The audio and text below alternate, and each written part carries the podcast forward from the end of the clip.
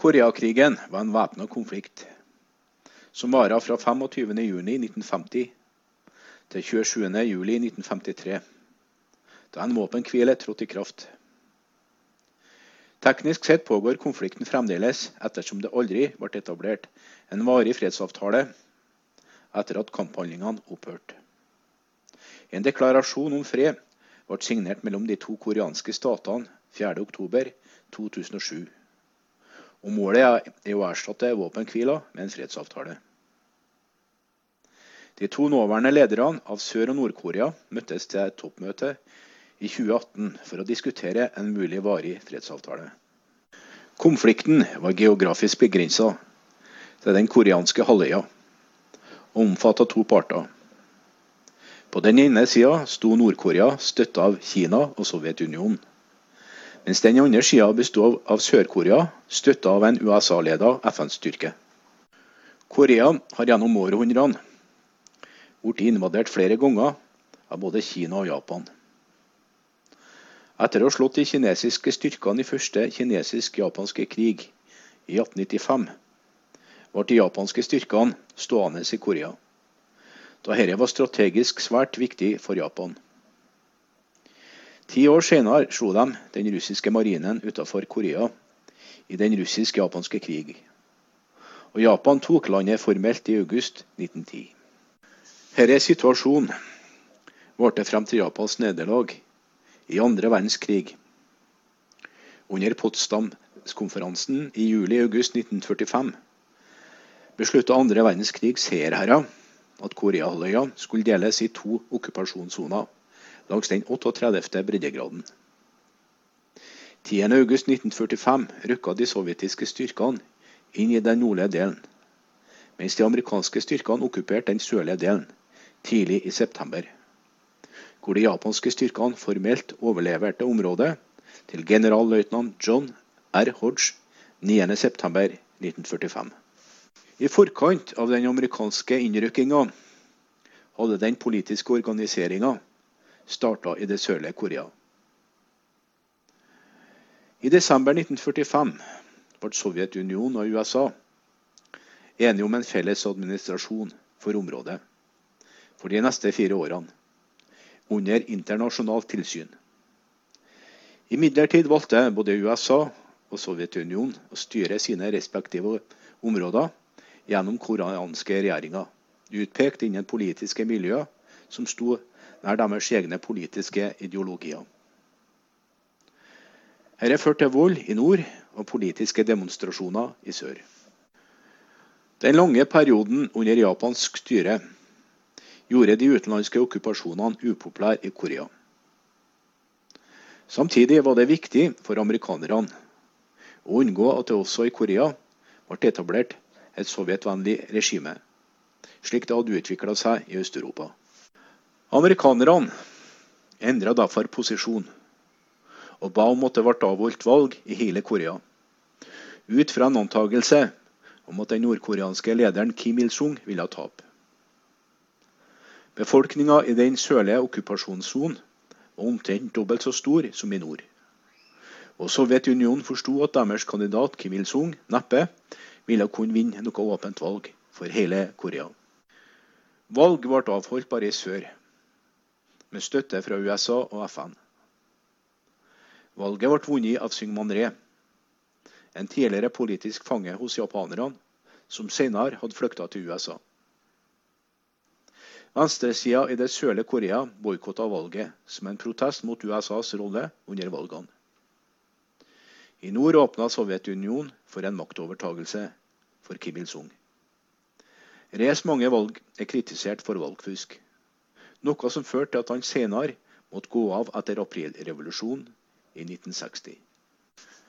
I henhold til avtalen fra desember 1945 trakk både USA og Sovjetunionen ut sine styrker i 1949. Samtidig argumenterte både Syngman Ree og Kim Il-sung for at Korea skulle bli gjennomforent under deres politiske system. Gjennom både 1949 og tidlig 1950 var det militære sammenstøt langs 38. breddegrad. Josef Stalin var imidlertid tilbakeholden med å gi nordkoreanerne støtte for en militær aksjon mot sør.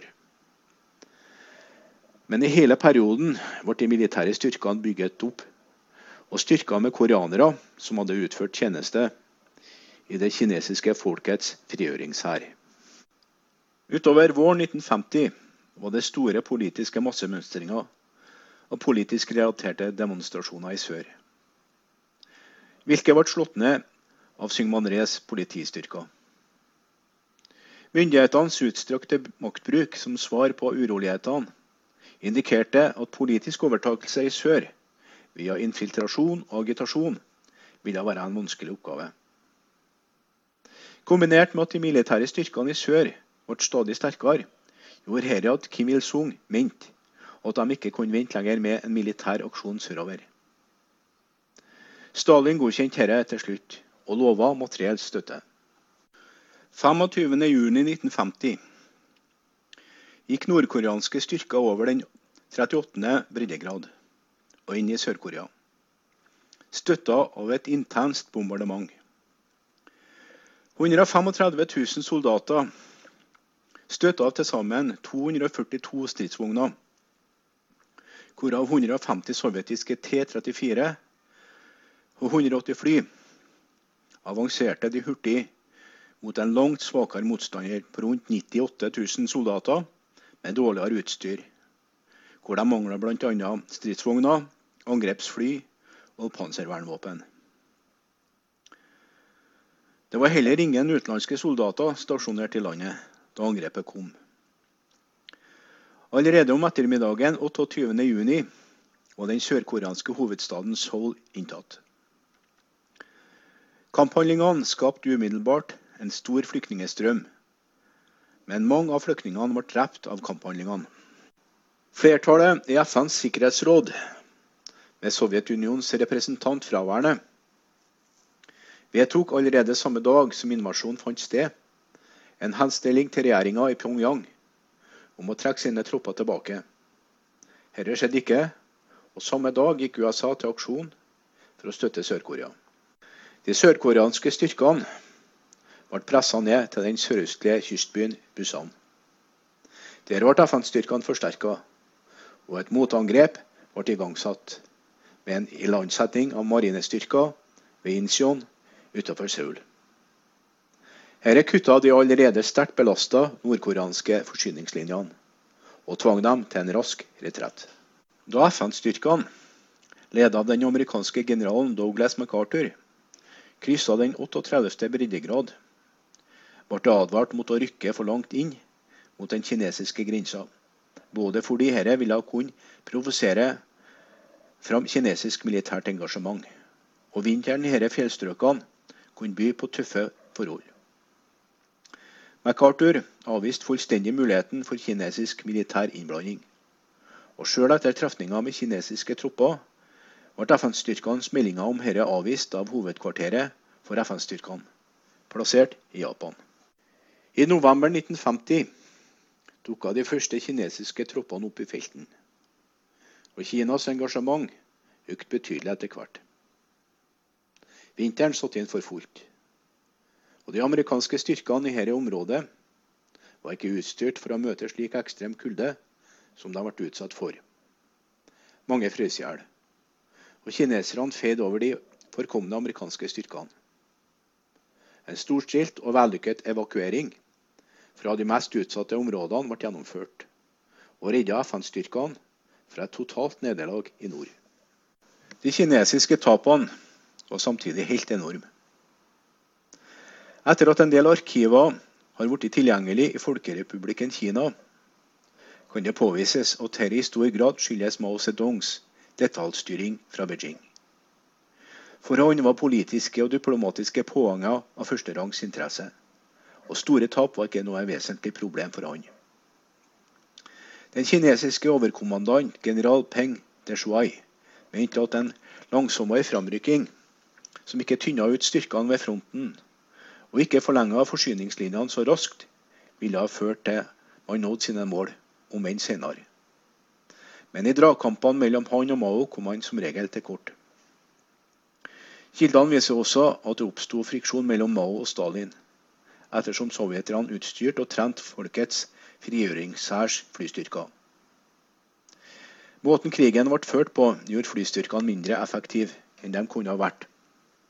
De hadde sin fulle hyre med å patruljere over Jaluelva, og hadde for lang vei frem til fronten til å gi virkningsfull kampstøtte til de kinesiske bakkestyrkene. MacArthur ville stoppe den kinesiske fremrykkinga ved bruk av atomvåpen. Men president Harries Truman ga ikke tillatelse til dette. MacArthur gikk da ut med en sterk kritikk mot presidenten, og ble deretter avsatt som øverstkommanderende.